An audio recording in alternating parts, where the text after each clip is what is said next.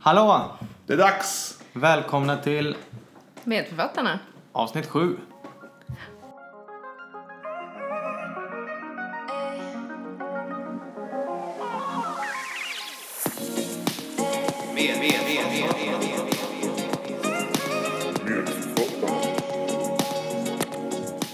Ja, och idag har vi då det sjunde avsnittet av Medförfattarna. Som vanligt med mig, eh, Joe Aked. Miriam Bergström. Och Fredrik Wennerström. Ja, och idag ska vi precis som vanligt gå igenom eh, några artiklar. Något gammalt. Något nytt och fräscht och någonting Lite udda. lite udda kanske. Ja. Ja. Mm. Något annat lite nytt och fräscht måste jag ju säga är min eh, underläkartitel. Ja, just det. Grattis! Stort grattis! Jag säger det mest för att det underlättar numera när vi ska beskriva. Just det. Nu är vi Vilket- faktiskt tre, tre Våran underläkare. podd. Ja. Tre underläkare. Ja. En AT-läkare. Ja, okej. Ja, Joe har börjat AT också. Han vet inte om han ska tituleras som underläkare ändå. Okej. En Jag tycker det. AT-läkare, en pappaledig underläkare och en eh, underläkare. Ja, det här blev ju inte lättare ändå. Vi släpper det och kör direkt in på någonting gammalt. Ja.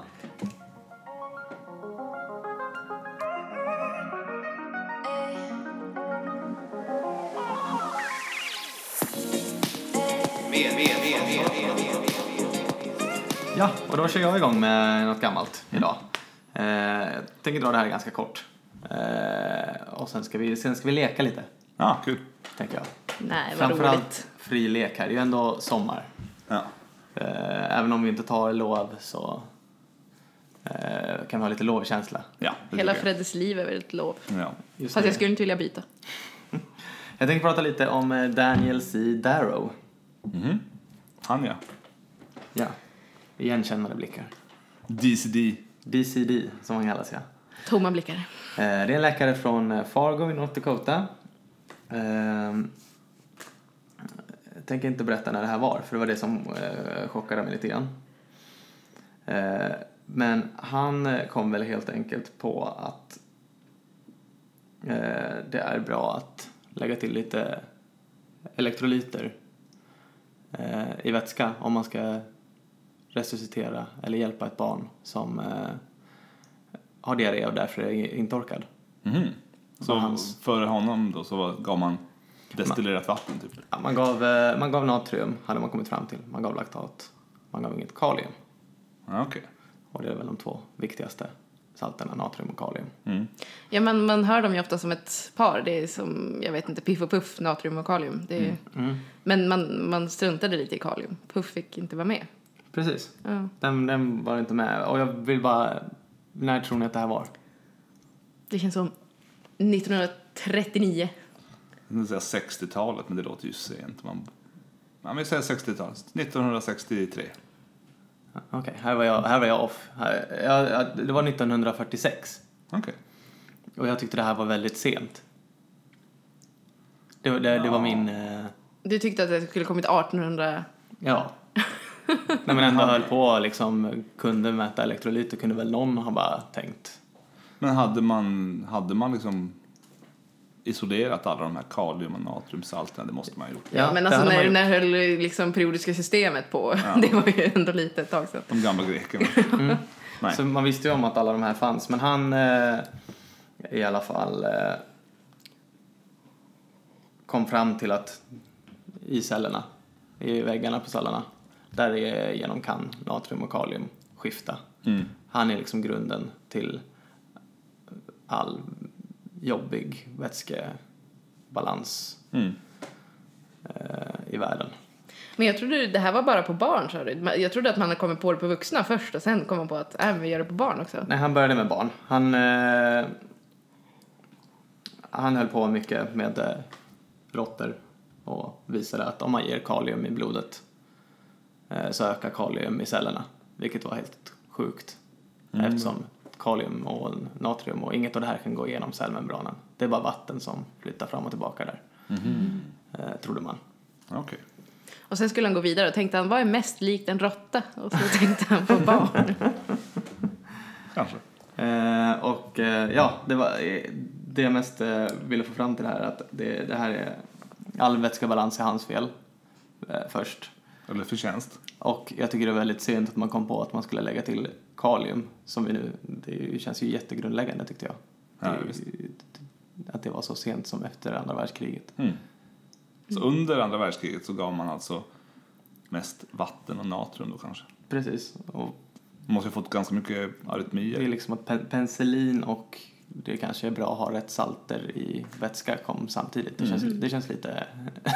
Ja, men samtidigt så var ju, ju, man hade liksom natriumklorid, bordsalt. Det kunde man Ja. lätt blanda i saker. Men Man hade kalium, bi- vart får man tag på det? Om man hade laktat och man hade bikarbonat också kan jag Ja, okej. skjuta till. Så man hade liksom... Det känns som att man liksom hade nästan alla bitar på plats. Man hade allt som är viktigt att ha i blodet. Mm. Men hade glömt kalium. Mm. Eh, och han gjorde en, en studie eh, lite senare än 46. Nej det, var, nej, det var 46 som han gjorde den här studien.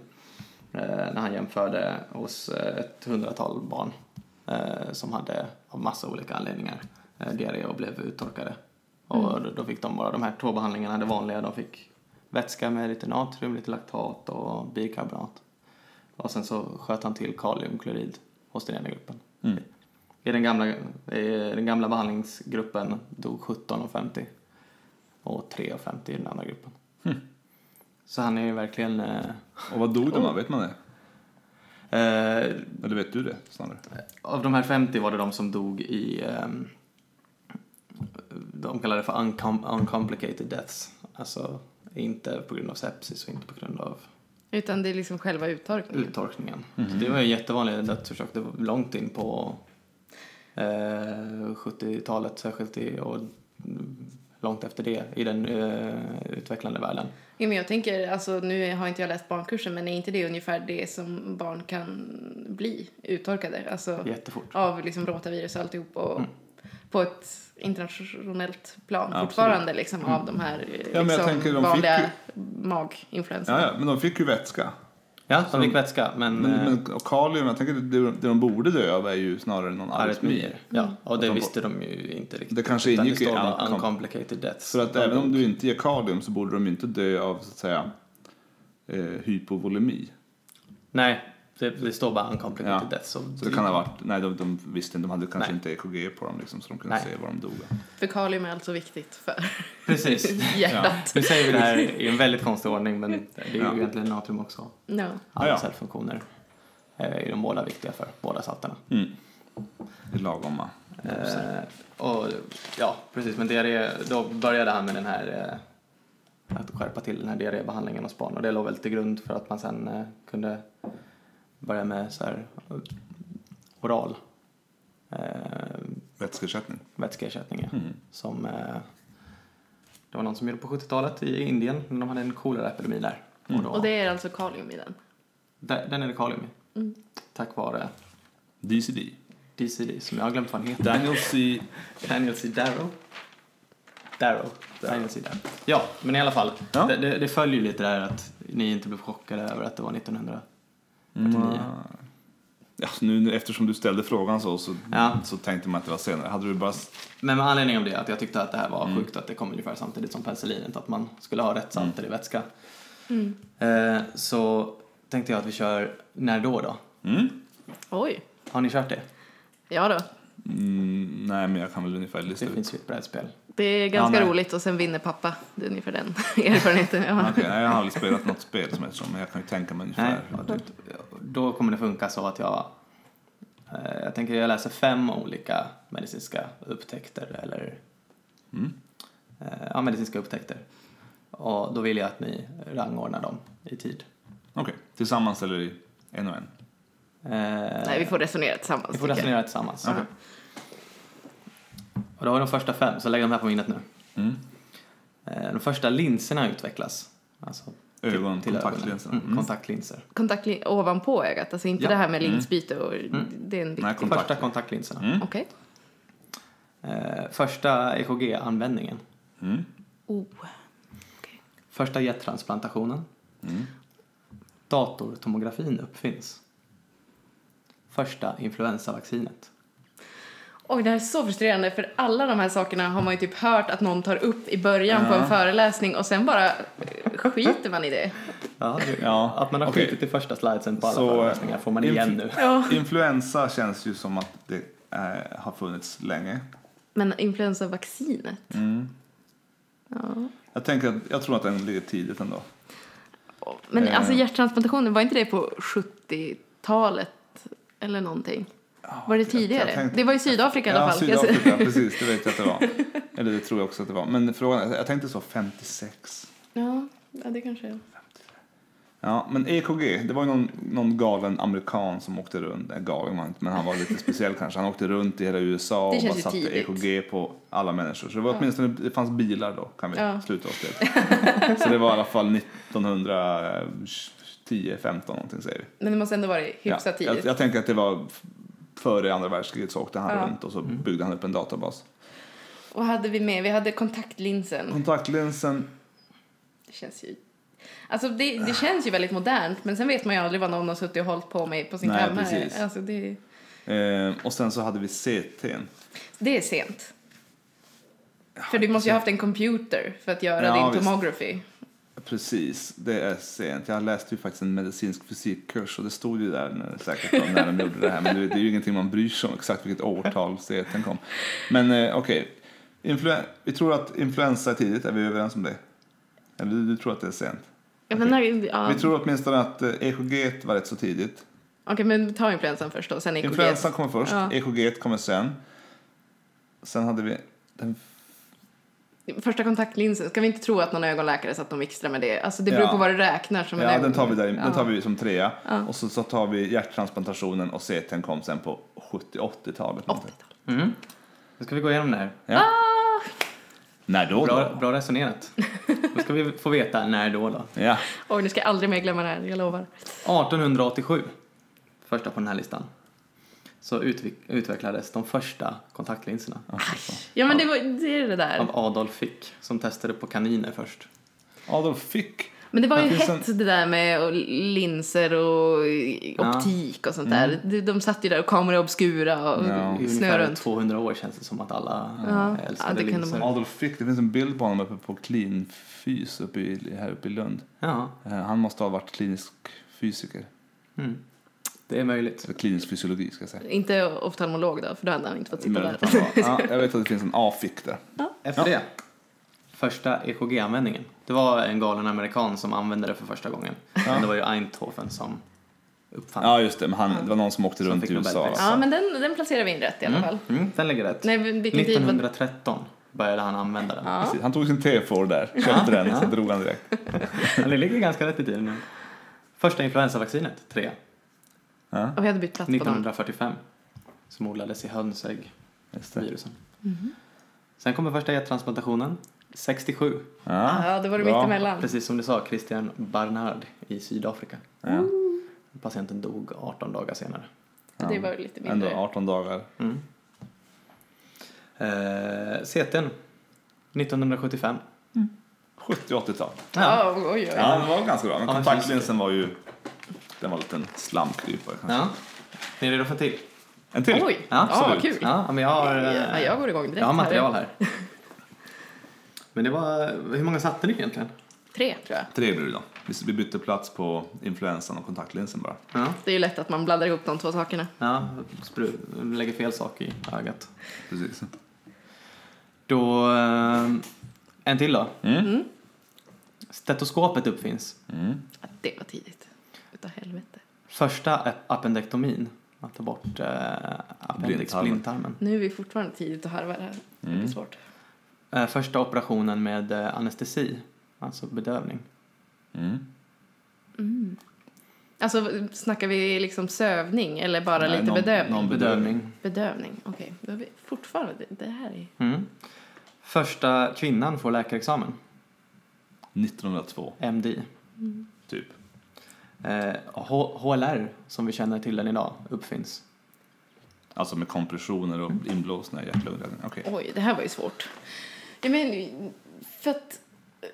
lä, kvinnliga läkare i Sverige, det känns så här 1912 eller någonting. Men var det, det var inte Inte i Sverige, Sverige. naturligtvis. Det- Nej, Första jag menar, kvinnan. jag tänkte det. Och men Sverige s- kan ju orimligt ha varit först, så det måste ju Ja. ha tagit tiden. Sent 1800-tal då, säger Ja, mm. vi. Och sen var det... HLR måste ha kommit ganska sent.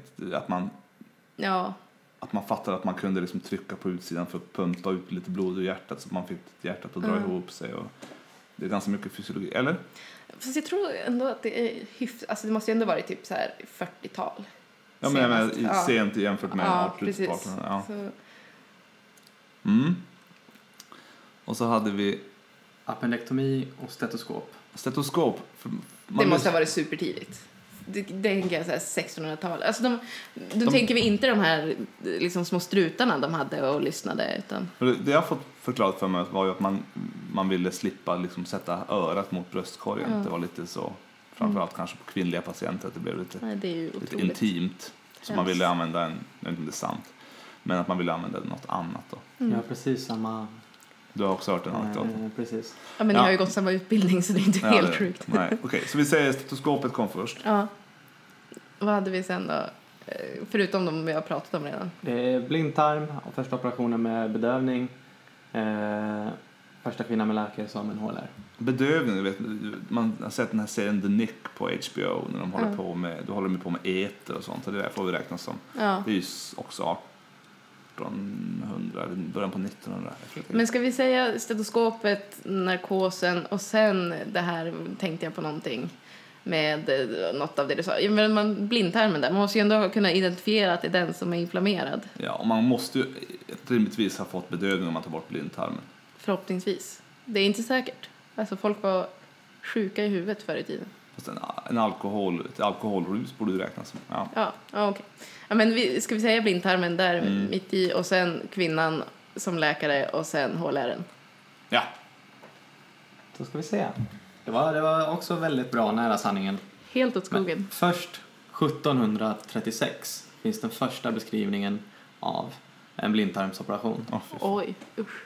Eh, Claudius Armiand, Var han läkare eller patient? läkare. Eh, det var en 11-årig pojke som hade svalt en nål som satt i, eh, i appendix. Så det var inte för en blindtarmsinflammation. Ja, utan Ah, okej, det var satt- inte det man hade det satt, en, identifierat i det alla satt fall. en nål där. Nej, okej. Hur Och- visste de att den satt där då?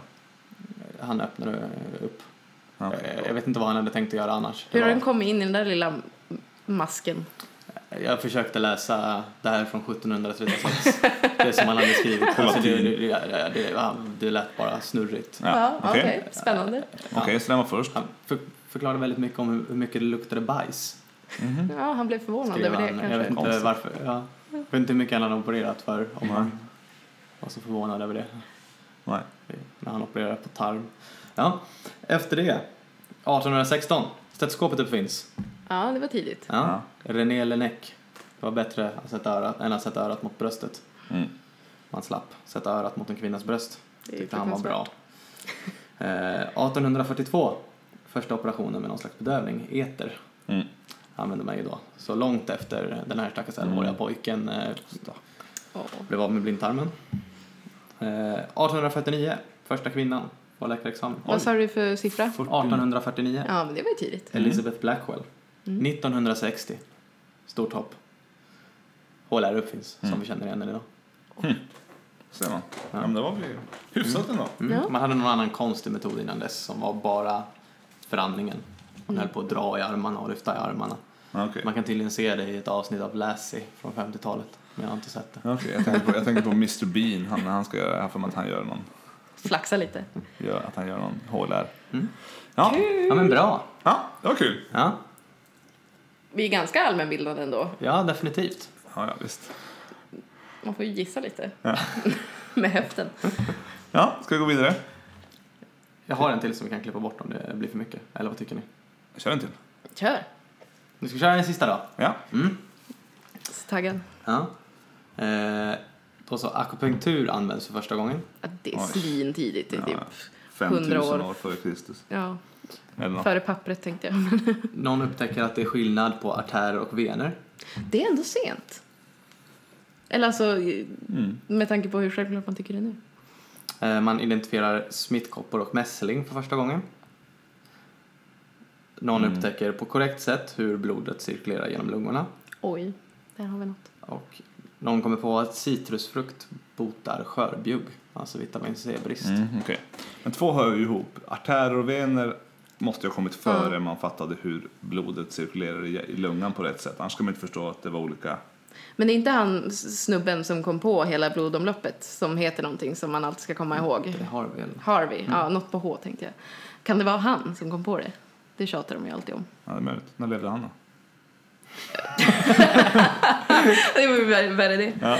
Men apropå det här med artärer och ven så kom, var, det- skrevs det ganska nyligt en artikel i Läkartidning som eh, just belyste det här med att det är skillnad på artärer och vener. Ja.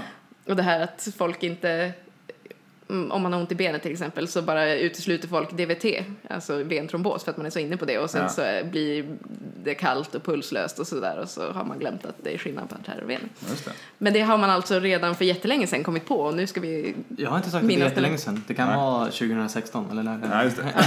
Jag tror att artärer och vener kom före lungan i alla fall, i den ordningen. Lungkretsloppet. Ja, okej. Det känns som Ja, det. ja, men då borde man ändå ha fattat lite. Ja, jag tror det. Och sen så hade vi tre till. Vad var det då? Påminn oss bara. Eh, akupunktur, skillnad på artärer och vener, smittkoppor och mässling, Ja.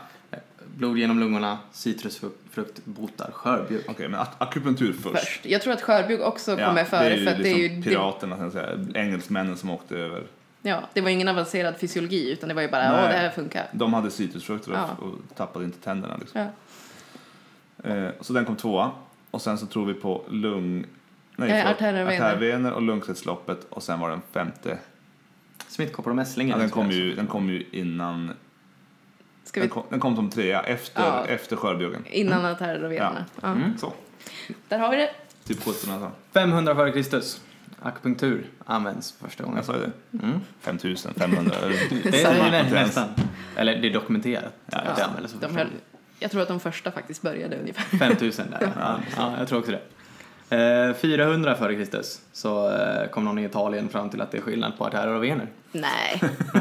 hur är det möjligt? Det är ganska nyligen. va? Artärer pulserar. kom de på. Jaha. Det är så ja, men- det är möjligt. Eh, Okej, man, man kom inte på att de, hur de funkade utan det var Nej, bara... okej, men att det var. Ja, Mm. Det, det, här är, och det här är något annat. Det är ingen jätteupptäckt. Alltså, att inse två saker som man liksom Kan se ser på är det. två olika saker. Ja, Ja, kunde man göra okej. det ungefär. Då, då är, vi rätt, är vi rätt fortfarande? nej, Nej. det är ju helt Det är fel. redan fel. Ja, ja just det. Fan, vi är way off nu. Sen kommer smittkoppor och mässing. Mm. Ja, men Det är den det hade vi tredje rätt. Första gången. Ja. 865 efter Kristus. Och sen kom skörbjuggen. Sen kom blodet genom lungorna. Va? 1550. Oj! Ja, Sant. Eh, En man, Miguel Cerveto, som sen brändes på bål ja. för kätteri. Ja. Inte på grund Så av det, han är tror jag. kanske lite så här eradikerad ur historien. Det är därför Ja, vi inte därför. kommer att tänka på Sans. honom direkt. 1747. Citrusfrukt, frukt, Ja. bitar, skörbjugg. Det känns ju som att eh, Pirater och pirater och engelsmän... Emigranter. engelsmän på sjön. Och, Ja. eh, mm. Ja, där var vi lite dåliga. Den kan vi klippa bort. Okej. Då så. Bra jobbat. Tack. Det blev några rätt. Eh, Tack så mycket Joe för denna odyssé genom Mm. medicinhistorien. Yes. Mm. Då eh, fortsätter vi med någonting nytt.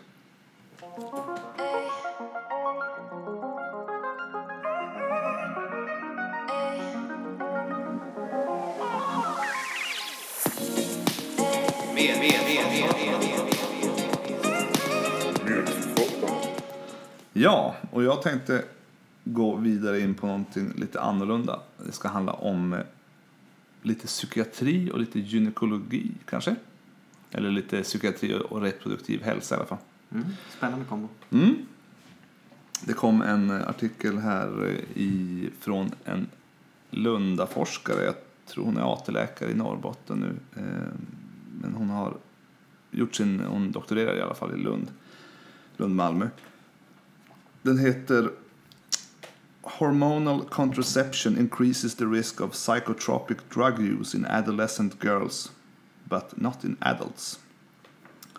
Det är alltså eh, frågan om kopplingen mellan ångest, depressionssjukdomar och p-piller. Mm. P-pilleranvändande, om, om p-piller liksom påverkar Oj. kvinnors, kvinnors eh, psykiska hälsa. Brännande ämnen. Mm. Det här diskuteras ju fritt. Jag är ju lite team eh, Helena Kopp-Kallner i det här så jag får väl se hur jag lyckas. Okej, vad säger Helena? Eh, Att det sprids väldigt mycket myter om hur dåligt man mår av p-piller och Ja. så vidare. Mm. Vi får väl se. Eh, det man vet i alla fall är att eh, prevalensen för depression och ångestsjukdomar, alltså om man tittar idag bara hur många, hur Mm. många har det, den, den diagnosen, är dubbelt så hög hos kvinnor som hos män. Mm. Och den här skillnaden ser man inte hos barn utan den uppkommer eh, när barnen kommer, när ungdomarna blir tonåringar. Oftast. Det är klart det finns barn som också kan, Mm. ha, kan ha det men om man tittar Men där är det på, ingen stor, på könsskillnad. gruppnivå. När man börjar inse att eh, patriarkatet finns och så vidare. Man utsätts för den manliga blicken. Nej, jag... Möjligt. Eh, men eftersom det inte finns så mycket hos barn så har man tolkat det som att det är de kvinnliga könshormonerna som att de spelar någon sorts roll i det här eh, i uppkomsten och i de här sjukdomarna. då. ingen samhällelig analys på det. Nej, Vi kan undan... det, dels så har man sett att östrogen eh, det är med och reglerar serotoninnivåerna vilket ju är en känd faktor för depressionssjukdomar. Och eh, även progesteron som är ett annat könshormon påverkar troligtvis humöret med, genom att den, den har eh, neuroaktiva metaboliter. Alltså när den bryts ner så blir- bildar den någon sorts eh, s- slaskprodukter, eller sla, vad heter det, avfallsprodukter som kan då påverka ens eh, psykiska hälsa. Och det ser man, har man sett att det påverkar olika kvinnor olika mycket trots att de har samma nivåer i blodet. Då. Och man ser också att många kvinnor avslutar sina p-pillerbehandlingar för att de har psykiatriska eller eh, de känner de får biverkningar som på humöret så att de slutar med det och hittar kanske något annat sätt att skydda sig från att bli gravida. I alla fall, i den här studien då som kom nu eh, 2018 i maj kanske, tror jag det var. Så gjorde man så att man tog ut data ifrån något som jag översatt eh, till det svenska receptregistret, det kanske heter något annat. eh, Men i alla fall ett register från alla apotek där man kan se alla människors utplockade mediciner. Det heter ju något på svenska. Jag heter men- inte bara läkemedelsregistret. Ja, det kanske det heter. Ehm, Man får alltså inte med läkemedel som har getts på sjukhus och, och typ äldreboenden och sånt. Utan bara det man har hämtat ut. Bara det. Men det får vi väl anta är den, ändå den största delen av de här Jag har p-piller ju och sett antidepressiva borde ju- Ytterst få får ha läke, liksom p-piller ord- ordinerat Ja. via när de är jag inskrivna har, på aldrig, sjukhus. jag har definitivt aldrig sett det, men Nej. Mm. det är ju sällan så unga människor är på sjukhuset där jag jobbar i alla fall. Mm. Ehm, I alla fall. Så ur det här registret tog man sen ut, bestämde man sig för ett datum, den 31 december 2010. Nu får jag hålla lite datum i huvudet. 31 december 2010 så tittade man vilka, mm, vilka patienter eller vilka personer är mellan 12 och 30 år och kvinn, av kvinnligt kön. Då fanns det 1 094 069 kvinnor som var då mellan 12 och 30 år det här datumet, 31 december 2010. Jag var en av dem. Ja. Grattis, du är med i studien. Sen så satte man en baseline på varje kvinna, eh, vilket var det datumet från 1 januari 2010 till sista december 2011, alltså under två års period. Så tittade man på alla de här kvinnorna, alla de här miljonkvinnorna, när de fick sitt, sin första p-piller, eh, p-piller utskrivet då. Och eh, fick de inga p-piller utskrivna så fick de en baseline den 31 december 2010. Och sen så tittade man fyra år tillbaka i tiden på alla dessa. Från den bas- baseline-datumet så tittade man fyra år tillbaka och så såg man om de hade fått några p-piller då. Okej, så man... Så då såg man de som inte Ja. hade fått några eh, p-piller eh, alls kunde man se, de har inte fått det på fyra, Fyra år efter- tillbaka heller. Fyra år innan heller, så då ansåg man dem som vara liksom äkta icke p-piller-användare. Okej. Ehm, och slutligen så ekla- exkluderade man eh, pas- eh, personer som hade psykiatriska diagnoser sedan tidigare. Lite osäker på hur man gjorde detta, om man bara använde samma och, Alltså diagnoskoder kanske i något... eh, eller om man bara använde såg om de hade fått några läkemedel tidigare. Från, Ja. från det. det törs jag faktiskt inte säga, Ja. det har jag inte läst på så bra där. I alla fall, man kunde se att eh, 49,5 procent av alla de här, och det blev ungefär 800, drygt 1000 kvar då. 49,5 procent av dem använde p-piller. Så ungefär hälften av alla kvinnor kanske i Sverige använder p-piller Mm. någon gång. Och ehm, Hälften av alla kvinnor mellan 12 och 30. mellan 12 och 30, Mm. ja precis. Det minskar ju säkert, eh, eller en, ja det minskar ju sannolikt sen när man blir äldre. Mm. Och eh, sen var det till det här antidepressiva då. Och man kunde se att ungefär 3,1 procent av alla dessa kvinnor, Mm. all, allihopa, Mm. eh, både de som fick p-piller och de som inte fick p-piller hade eh, under det året som följde från deras baseline-datum då, Mm. så fick de utskrivet ett recept på någon sorts psychotropic drug, Mm. så någon sorts antidepressiv läkemedel. Hur många? Tre procent av 3,1 dem. procent, ja precis. Och för, på hela gruppen då, alla 12 till 30, så var det 2,5 procent av de som inte åt p-piller och 3,7 procent av de som använde p-piller. Så det var, det var fler eh, av de som använde p-piller som fick antidepressiv medicin. Oj, jag känner redan att jag har tankar här, men fortsätt. Ja. Och ehm, sen tittade man på, på ehm, åldersintervallen då, så man ville se liksom de som är de som är de vuxna, där såg man ingen skillnad stort sett mellan Mm. om de fick p-piller eller inte. Det fanns ingen, de fick lika mycket antidepressiv medicinering. mm. Men hos de yngsta, den yngsta gruppen som var mellan 12 och 14 år så var det en, något som kallas odd, odds ratio som var 3,46 vilket man då förenklat kan säga är att de hade en 3,5 gånger större ökad risk att få en, en depressions eller ångestsjukdom. Ja, men det var, men det var just 12 till 14, det var väldigt tidigt. Mm. Det var de. Så den, den skillnaden fanns, fanns hos unga kvinnor men inte hos vuxna. Så, Så hos de allra, 12 till 14 sa vi. jag känner ju redan här att det är väldigt svårt att extrapolera dem till nu folk i min ålder som säger att åh, jag mår så dåligt av p-piller. Alltså, det är klart att alla har rätt till sin upplevelse, Mm. men det är ju inte stöd till det om du börjar äta p-piller när du är 18. Nej, det- den här studien har ju Ja. inget stöd för det utan det, den här visar bara att det var skillnad på de som var de yngsta. Mm. Och de som är 12 till 14, jag törs inte säga hur många de var då som, Nej. som var Mm. så unga. Men eh, det är ju rätt tidigt att börja med p-piller. Ja, tror jag jag. tänker det är ju en Mm, Det känns- intressant eh, grupp där som börjar äta p-piller innan man faktiskt är Ja. byxmyndig.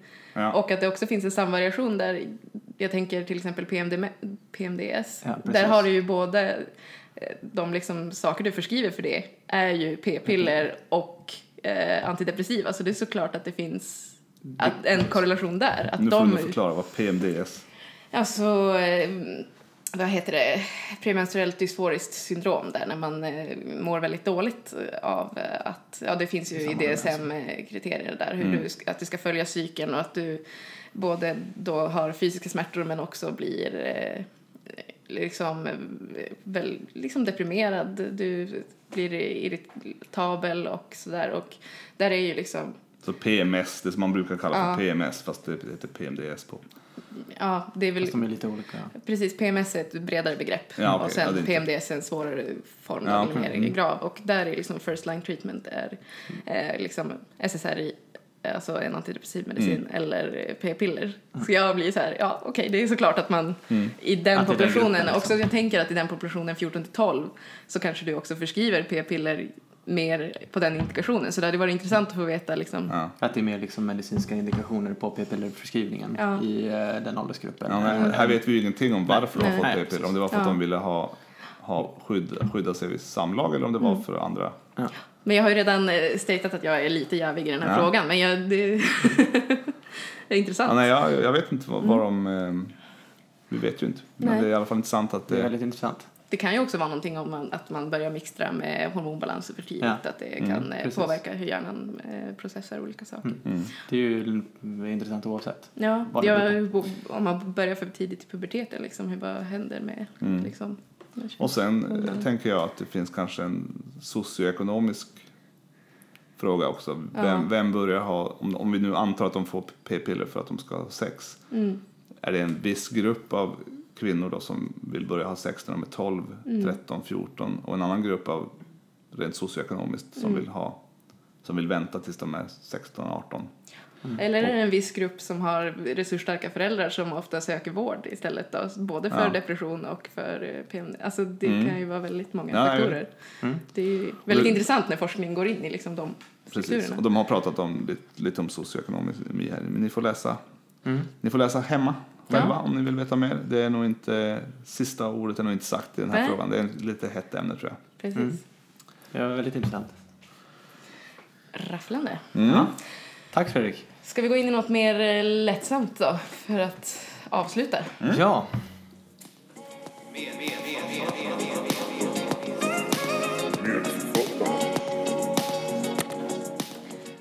Yes.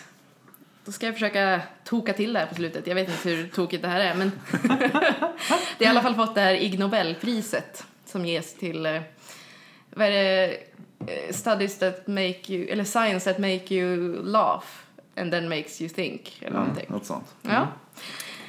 Och det här är då en artikel som kom någon gång på 90-talet, jag minns inte när. Eh, s- Av Hajime Kamata, Kimata, i Osaka. Som heter Kissing selectively decreases allergen specific IgE production in atopic patients. Bra svengelska. Mm. Ja, men man får ju göra sitt bästa, eller sitt värsta Fritt översatt. så är det att eh, pussar kan eh, liksom eh, sänka ditt och allergiska eh, svar egentligen då. Mm. Kyssar ska jag säga. Pussar låter som att man... Men kissing, det, jag tyckte det var så här kyss, hångel, vad Vi, ska vi vi säga? får läsa er metoden. Jag Ja, hoppas, vi man, får- jag hoppas de har en noggrann beskrivning. Ja, av precis. exakt hur det är. Nej, redan där gör det Hur beskrivet. mycket tunga var det egentligen? Besviken. Men han, eh, han har forskat på det här länge och kommit fram till massa olika saker redan innan han gjorde den här studien. Men jag, det var den här som fick priset så jag tänkte Ja. jag tar den. Mm. Och han tog alltså 24 patienter med atopisk dermatit och det är ju sån här eksem då. Mm. Eh, som man kan ha.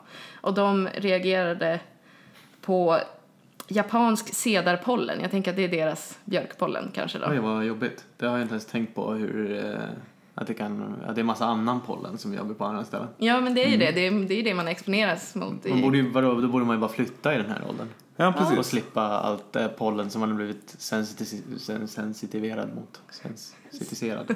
Svårt ord. Sensitiverad. Känslig, känslig mot. Ja. Ja. ja, och den här cedarpollen, men de var också känsliga mot eh, kvalster och eh, latex. Är det andra kvalster och andra... Det har jag inte gått in i. Usch. Och sen tog de också 24 pa- patienter som hade allergisk eh, rinit, då. det är väl att en eh, hösnuva, Mm. mot den här eh, cedarpollen. Cedarsnuva. Och det har lika många kvinnor och män och de var i ja, 20-årsåldern typ. Mm. Och i introt där tyckte jag det var roligt att det här the Japanese do not kiss habitually. Alltså det är inget de håller på med. Nej. Stämmer Puss. det verkligen? Som vi svenskar. Jag vet inte om han hade någon källa på det, det såg inte ut så. Men det var liksom bara ett Det är statement. Svårt att ha. Vad, Men det var bra. vad, vadå, att de inte kysser varandra? Punkt. Nej men alltså det är ingen vanlig sak sådär att man går och säger hej Nej. puss puss eller liksom. Jaha, eh, de i menar vanlig- puss puss, alltså som i någon man inte känner. Nej, Eller utan i ett förhållande. i ett förhållande så Ja. är det liksom inte lika Men vilka, standard. det är nå- någon asiatisk ungdomskultur som håller på att kyssa varandra på, ögon, på ögat. Jaha. Alltså inte på ögonlocket utan på ögongloben. Har ni hört om det? här? Nej. Oj, det känns ju som Det att... har jag inte hört talas om. Mm. Ehm, nej, det, det här får jag återkomma till. Men jag har alltså hört om att de håller på att kyssa varandra på ögat och att det sprids sjukdomar. Typ klamydia. Ja. eh, I, ö- man- det kan man ju få i ögonen. Ehm, Jaha. och, ja, nej, det, jag jag har ingen riktig källa på det förutom mitt minne. Du det får var komma inte- tillbaka var med det och hur det påverkar immunförsvaret. Ja, Och det är inte det de menar här i studien. Det var nej, inte... nej, nej. Det här är vanliga pussar som de alltså inte... Visst är det nu, mina fördomar igen, något asiatiskt land där det är förbjudet att pussa, eller liksom kyssas på offentlig plats? ingen aning. Ingen Nordkorea. Det känns som, är det inte Singapore som har jättehårda nedskräpningslagar? Ja, Ja. men det borde som inte kan passa påverka. in. Men det här är något som jag typ har läst i Kamratposten. Ja, så, här, så att jag Vi är ute på tar djupt, tillbaka det. djupt vatten här. Ja, men Eh, Det- okej. Det här är i alla fall eh, Kimata, han säger det och han är från Japan. Han säger att de inte pussar särskilt mycket i vanliga fall. Och det han gjorde då var ju att han tog folk och så mätte han innan då hur mycket då allergen specifikt IgE de hade. Och nu måste vi redan där ta det lite från början då att eh, ja, men när man blir allergisk mot någonting så har man ju ofta i den här sortens allergi har man de- den här specifika antikroppen som är av IgE-typ som då eh, medierar det här immunsvaret och de är då specifika för att reagera på det här pollenet liksom. Och det mätte man hur mycket man hade. Eh, och eh, nu ska vi se. Ja, och sen var det lite att de skulle eh, inte ta aktivt något antihistamin peroralt eh, läkemedel just nu. Allergimedicin alltså. Precis. Och eh, sen så skulle de få pussas med lover or spouse i 30 minuter. Eh, och som kontrollgrupp så gjorde man det en gång när de fick pussas i 30 minuter och en annan gång så fick de bara liksom kramas i 30 minuter. Och sen hade man lite soothing music. och det hade, på båda då. För tidigare har han visat att IG-svar kan även minskas av till exempel Mozart. Jaha. Av att sitta och vara lugn och lyssna på Mozart. Så att han ville... Är det Han, han, ser? Soothing, någon, alltså, som det var någon inte- kommer in med allergisk chock, anafylaxi. slå på lite In- in- Mozart. Innan man drar fram adrenalinpennan så kan man bara Ja, men lite- Barry White. Eine kleine Nachtmusik. Men han, det är så här, roligt också att han även har specificerat här exakt vilka låtar de Ja. lyssnade på. Som sänker, okej. De lyssnade på Beauty and the Beast, When You Wish Upon a Star, Oj. bland annat My Heart Will Go On, Ja. Can You Feel the Love Tonight. Blir, blir, det, Från vär, blir det Lejonkungen. värre av liksom låtar åt andra hållet? Om man kör på någon så här death metal? Ja, men du får läsa Mozart-studien, jag vet faktiskt inte. Jag gick inte in i den. Jaha. Eh, och så tog de liksom blod direkt efter de här 30 minuterna då, när de har fått ha sin lilla mysstund. Och så tog man ut eh, då eh, mononukleära celler, alltså lymfocyter. Då. Och särskilt, och så odlade man fram dem i närvaron av den här allergenet. Alltså det här kan inte jag, det här är någon labb. Ja. Ja. Och sen mätte man cytokiner efter fem dagar och sen antikroppar efter 14 dagar. Och cytokiner, ja det är signalmolekyler eh, som celler kan skicka ut och det påverkar liksom eh, både funktioner av andra celler men också i, kan det påverka cellutvecklingen av andra celler åt vilket håll de ska gå. Eh, och då såg man att just på de som pussades så minskade då just IgE-antikropparna, eh, gick ner. Alltså efter 14... Ja, alltså det är ju Ja. hur cellerna som togs Ja, just då det. Mm. kunde producera. De var sämre på att göra de här eh, liksom, eh, allergiantikropparna. Mm. Så det hade liksom reglerats ner av att de hade pussats. Eh, Medan andra antikroppar var i samma nivåer, så att det var just de här som hade Mm. sjunkit. Mm-hmm. Och eh, medan de som bara kramades, där var det oförändrat. Så, att- eller liksom, där var det som man kunde förvänta sig av Det här låter vanliga. helt orimligt. Mm. Ja, men det... ja, jag förstår verkligen inte. Och liksom även eh, alltså vilka cytokiner som skickades ut hade förändrats så att det hade liksom pushat hela cellutvecklingen från en viss sorts Mm. T-hjälparceller från de här allergi-T-hjälparcellerna mot de här andra sortens Mm. Men då eh, kanske det är så här T-hjälparceller. någon bakterieblandning. Ja, och precis. virusblandning För när man... de andra TO, alltså TO, nu ska vi se så att jag säger rätt här, Synapsen. TO2-cellerna är ju mer allergiska Mm, och TO1-cellerna är ju mer mot eh, bakterier och sådär. Mm. Så jag tänker att om man eh, håller på och By, knida... byter bakterieflora, ja. Precis. Så det, Att man behöver mer TH1-celler. ja, då. att nu händer det något konstigt här. Ja. Så det du gör kanske inte att liksom egentligen dämpa så mycket på allergibehovet utan du bara ökar behovet på en annan Ja. del av systemet. Ja. Ja, Ja. kanske. Och då försöker han ju dra lite slutsatser av Mm. det. Vad kan ni tro att han försöker tänka om det här? Jag hoppas inte han försöker liksom implementera det i, i kliniken. Att Nej. om, om två veckor så ska du ut, i- ut i skogen där det är mycket sedar där ute. Så kom hit en stund. Ja, nej, jag vet inte vad han drar för slutsats. Att, eh, nej. Eh, Ja, men det Oklart. var lite det här att eh, just att det skulle vara viktigt då i utvecklingen då. Alltså, nu vet vi inte om det här gav någon exakt eh, symptomlindring hos de här personerna. Det var ju en viktig grej kanske. Men att om man eh, genom att utsätta barn, utsätta låter jättefarligt, men att kanske pussa på sina barn mer då. Ja. Att det skulle kunna liksom, om man eh, kunde ändra ett eh, liksom mer socialt beteende skulle också kunna Men det hör väl ihop lite med liksom resten av Ja, hygienhypotesen. precis. Men, Att, eh, Men då är det om- mer pussa kanske än, än då hångla.